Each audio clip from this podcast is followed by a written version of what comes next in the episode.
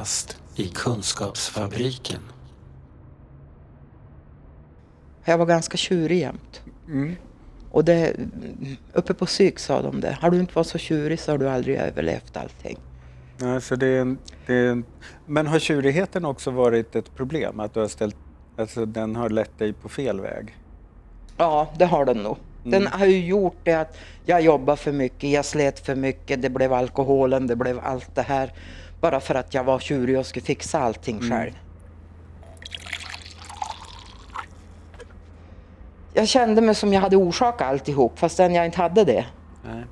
Är det en känsla som du har haft tidigare i livet också? Att det är du som har Det är jag orsakat? som har orsakat allting. Det är alltid jag som har orsakat saker. Tror jag. Det är skönt, då har man svaret på allt. Ja, ja. Mm.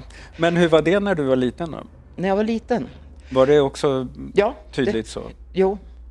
Och jag skulle reda ut allting. Alltså, så långt jag minns tillbaka i livet så var det bråkigt hemma.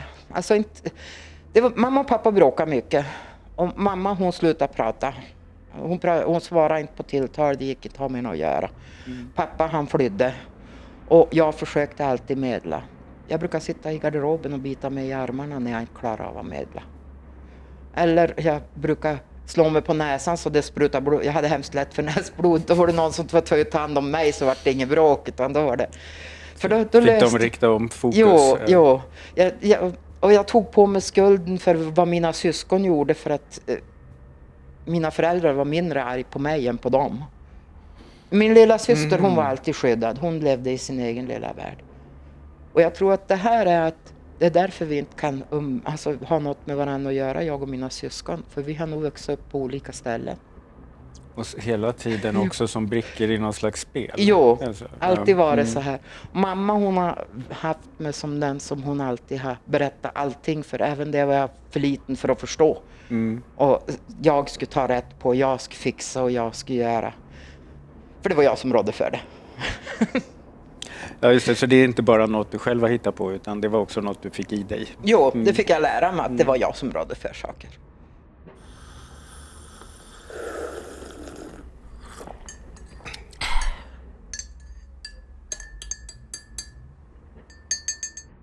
Jag var väldigt ung när jag började äta medicin. Jaha. Jag var bara 13 år när jag första gången började äta. Och då åt jag Valium och allt det. För jag började stänga in mig och jag, Mm. ja. Och hela min tonårstid för att jag vart ju klassad som lite efterbliven på grund av att jag inte kunde lära mig läsa i skolan. Och hamna på, ja, jag var, jag var på sidan om hela tiden. Mm. Men var det dyslexi du hade? Eller? Ja, alltså jag har jättesvårt för att läsa. Mm. Skriva går lite bättre men inte Men förståndet verkar det ju inte vara något fel på. Nej, det kanske inte är det. Men man ska kunna läsa och skriva. Ja, just det. Det är bara det är så. så vi mäter förstånd i skolan. Ja. Mm, det. Så är det. Så att det, Så att du var en unge som inte kunde läsa och skriva och som satt och låste in dig och bet i armen. Mm. Och då får man Valium. mm, just det. Och jag var aldrig till en läkare. Min mamma ringde till läkaren som skickade medicin med bussen. För då bodde vi i en by inåt landet här. Och sen var det inte riktigt bra så då ringde hon en gång till. Då fick jag med, ett tag åkte jag tre olika sorters mediciner. Utan att träffa någon läkare. Mm. Utan någonting. Det blir nog bra om de tar det här. Och jag hade ju, jag hade jättemycket här ångestattacker. Jag vet, jag trodde jag skulle dö. Eller jag hoppas ju på att jag skulle det. Och för att hjärtat stannade ju och det vart ju... Och jag hade ont i kroppen överallt och jag, ja, det var ju alla möjliga fel. Alltså jag mådde inte bra som tonåring. Nej. Jag mådde jättedåligt. Hur- Men jag förstod ju inte då vad det var egentligen. Och jag förstod inte riktigt vad jag åt medicin för, för där, jag kunde inte reda ut vad som fanns här. Nej, just det. Det, det blev bara en, en medicin för någonting som jag inte riktigt förstod. Fortsatte du äta mediciner sen när du blev äldre också? Nej, jag slutade när jag, ja, när jag gifte mig och fick barnen, pojkarna. Mm. Och under hela den tiden jag var gift och hela det här, då eh, jag åt jag ingen medicin. Jag behövde den inte. Allting var, jag hade ju allt jag ville ha. Mm. Jag hade, Mådde du bra då? Då mådde jag bra. Mm. Mm. Och jag tror ju att det var så här att min mamma sa alltid, det gör ingenting att du inte kan lära dig något och det gör ingenting. Du, nu blir du gift ändå. Så det blev jag ju. Och, och de, de Det hade, viktigaste det i livet. viktigaste i livet hade jag ju klarat av. Ja. Och gissa vad som hände när han träffade en annan och jag blev skild. ja, då hade du ju misslyckats med det enda som var viktigt. Mm. Mm. Så då stöp jag ju. Mm. Men kom det tillbaks då, de här ja, vad jag säga, ohälsan du hade haft som ung då? Inte lika mycket eftersom jag hade ju mina barn som jag skulle ta hand om och jag hade ju Mm. allt det här som... Då började jag reda i och då blev det ju det här med, med att jag gick utbildningen, startade företaget. Jag hade, det gick jättebra första åren. Alltså, men sen började det ju bli lite tufft att dra in pengar till tre stycken och för jag hade ju inget underhåll och bostadsbidraget beräknades på företaget så jag fick inget bostadsbidrag. Eftersom firman gick bra? Ja, du vet hur det är. Det är så- mycket Men var det då du började dricka mer? Jo, då började jag om att dricka. För Mm. att jag, jag orkar inte att vara igång dygnet runt riktigt. Nej, det är inte många som gör det. Nej. Men det var så att på dagarna var jag ute, jag, kunde, jag var nog ute och jobbade 10-12 timmar per dag och på städning. Och så sen på nätterna skötte jag papper. Just det. Och papperen lämnade jag sen ifrån mig när jag hade, efter tre år tror jag ungefär. Mm. Då gick jag upp till en och sa det. Ta, om du tar de här papperen så då går jag under. Så han tog rubb och stubb. Mm. Han sa jag tar allt. Ja, vi fixar det här åt dig för du har gjort ett bra jobb. Men då var du egentligen i ganska dåligt skick då? Ja, egentligen var jag i Ja. dåligt skick då fastän jag inte, då förstod inte jag att Nej. jag var det. Jag förstod inte. Vad fick dig in och börja... Vet du att jag har alltid, jag har nog många gånger haft en sån här plan på att jag ska de här åren framåt. Och så de här åren framåt. Femårsplaner? Ja, någonting sånt. Och då hade jag en plan, jag ska tills flickorna tar student. Mm. Det var min plan. Jag ska se till att de har det viktigaste och att de kom sig fram och klarar av det de vill göra fram till de tar Mm. studenten. Men då när de hade kommit så långt och tagit studenten, vad hände med dig då? Då, Jag tog slut. då, tog du, sig- då gick luften ur liksom? eller? Ja, för då, när de tog studenten så flyttade de. En for till Uppsala och plugga och den andra var i Luleå och jobba. Och jag flyttade på Anderstorp till en tvåa och tänkte nu, äntligen är det bara jag. Det var inte bara jag. Vad var, vilka var det mer än du? Var det dina demoner eller? Ja, någonting sånt för att det vart... Jag började dricka jättemycket då. Mm. Det, det gick totalt fel. Jag plockade inte upp ur en låda. Jag, nej, ingenting. Jag skötte jobbet men inte så mycket mer än det. Och ja, det var så här totalt kaos för Mm. mig. Det slutade alltså med en, den 28 mars 2010 Mm. tog det slut. jag, eh, jag var till en läkare den dagen och ville bli sj- halvtidssjukskriven. För jag kände ju att det här går ju inte. Ja. Och han tog prover och så sen så kom han och sa det är inga fel på dina prover. Du kanske är lite dum i huvudet men det kan jag inte hjälpa dig med. Men sa jag, det jag, är jag född med. Och jag klarar mig hittills. så, så då gick det ifrån. Tårarna trillade, jag visste inte vad jag skulle ta mig till. Gick förbi systemet, köpte två vinflaskor, gick hem, satte mig med faktureringen. Satt och gjorde den och drack vin. Och så skulle jag gå ut och röka. Och jag bodde ju på nedersta botten. Så det var ju som bara ut så här. Och fastnade som lite med en fot i dörren. Och så sen var det ju bara is utanför. Mm. Så jag flög upp huvudet in i cykelskjulet. Och vaknade där i en vattenpöl. Och min första tanke var, varför vaknade jag? Varför fick jag inte slå ihjäl mig nu? Mm. Varför vaknade jag upp? Och det var ju sent på natten och jag, så jag kröp ihop i den där vattenpölen och tänkte jag kanske fryser ihjäl. Om jag ligger kvar. Jag hade slagit sönder armen. Axel. Det visste jag ju inte då, men jag visste att jag kunde inte använda den här armen. Den gick inte. Så jag kom inte upp heller och halkigt var det och allting. Så jag bara kröp ihop och låg där. Så kom den som skulle, som bodde i huset där någonstans. Då sa jag, kan du hjälpa mig upp? Nej, jag ring polisen. Jaha, sa jag. Hör det då. Och det var tur alltså, för att det blev det ju.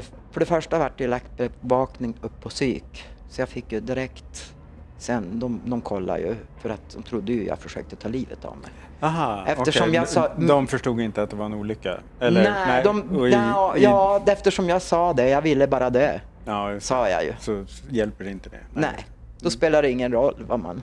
Mm. Utan då, då blev det ju så. Så jag blev ju då ja, satt på bevakning från psyk och sen så gick jag ju på beroen, öppna beroendet och tog antabus. Det får man ju välja själv Mm. men jag sa det att självklart jag gör det.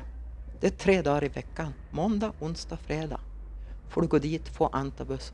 Sätter man sig ner och så frågar de, hur är det idag? Mm. Och bara den frågan. Jag upptäckte helt plötsligt, men oj, oj, oj, så bra. Man brukar gå där tre månader. Och, eh, ja, jag, jag tyckte inte det var väldigt löjligt, så jag sa det att mig blir ni inte av med, jag ska gå er i tre år. Det gjorde du också? Mm. Du är ju tjurig. Mm. Jag gick där i tre år. Ja. Och tre gånger i veckan så var det någon som frågade hur är det? Hur, hur, hur förändrades du i de samtalen då? För det låter ju inte som att det direkt var terapisessioner. Utan nej, nej, bara nej, nej, nej, utan det är sjuksköterska. Eller, Ja, ja. Men eh, började du se annorlunda på dig själv under den där tiden? Eller vad hände Jo, under de där åren? jo, alltså det var ju så att då, jag pratade med dem, idag är det, ja men idag är det ganska bra så här, ja men då var det ett kort samtal då. Idag, då, det här har hänt och det här har hänt och jag kan prata om vad som hade hänt med barnen, jag kan prata om precis allting och upptäckte att någonstans så hade jag ganska mycket. Hur vet vi vad som är bra? Hur vet vi att det blir bättre?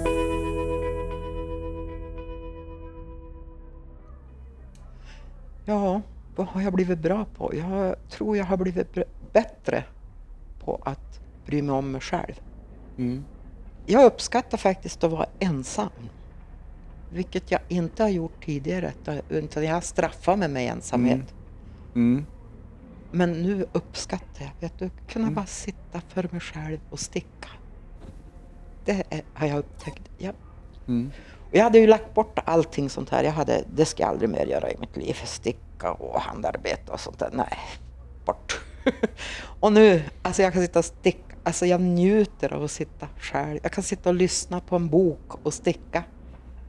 Och låta tiden Jo, och bara, bara... sakta gå. Mm, Vad härligt. det har jag upptäckt. Alltså sådana här saker att jag kan tycka om mig själv lite grann. Ja, och tycka om sig själv i en stund av vila. Mm, jo, Och inte kring någon särskild prestation Nej. eller att... eh, Nej. nej, just det. för annars har det alltid varit så att jag har inte kunnat sitta still. Utan jag måste göra och jag måste göra och jag måste göra. Mm. Jag har alltid haft någon att göra något åt. Var det något du saknade förut? Att kunna sitta ensam och göra saker? Eller var det något som aldrig föresvävade dig? Nej, det, nej, det gjorde jag inte. Det fanns Utan- inte? Nej, det var alltid någon som behövde något. Mm. Hur känner du igen att, att det är något som börjar gå på tok? Eller att du är på väg ner? Har du någon sån där signal som du... Ja, jag känner igen det. Oftast börjar jag inte vilja stiga upp på morgonen. Mm. Och det är som ett tecken på att det här är inte bra. Så då brukar jag försöka, mm, när det har varit några dagar och jag känner, då skyndar jag mig att klä mig och så går jag ut på morgonen. Och ibland blir det längre sträckor och ibland blir det bara ett varv ute. Men, bara Men det är promenader alltså? Mm. Mm. Promenader ute i friska Jo, luften? Mm.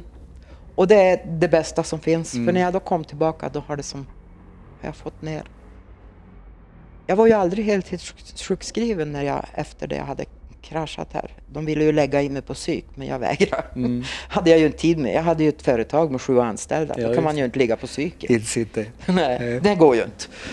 Så att... eh, Och då skulle de sjukskriva mig på heltid och jag sa vet du det får ni inte göra för då stänger jag in mig och då kommer jag aldrig mer ut. Mm. Då är det kört för mig.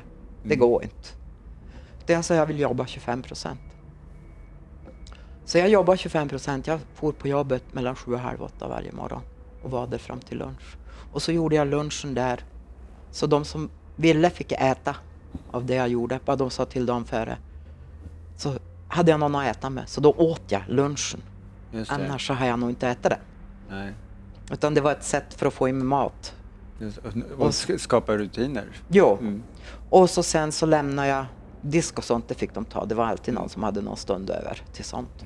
Och så for jag hem och så sov jag till nästa morgon. Men jag var alltid uppe halv sju på morgonen. Och det här har de sagt åt mig på psyk. Det har varit en jättebra grej. För många som hamnar i såna här ja, utbrändhet, eh, depressioner och sånt där. En vacker dag så måste de vända och då ska de kämpa en gång till för att komma sig igång på morgonen. Mm. Jag gjorde egentligen inte så mycket. Jag for dit och jag fanns där om det, det kom några frågor. Jag anställde en som tog min, mina jobb med bokningar och alla de här grejerna. Så Mm. jag, det var ju mer bara att jag var där Ja, och gjorde maten och såg till att jag åt ett mål mat om dagen.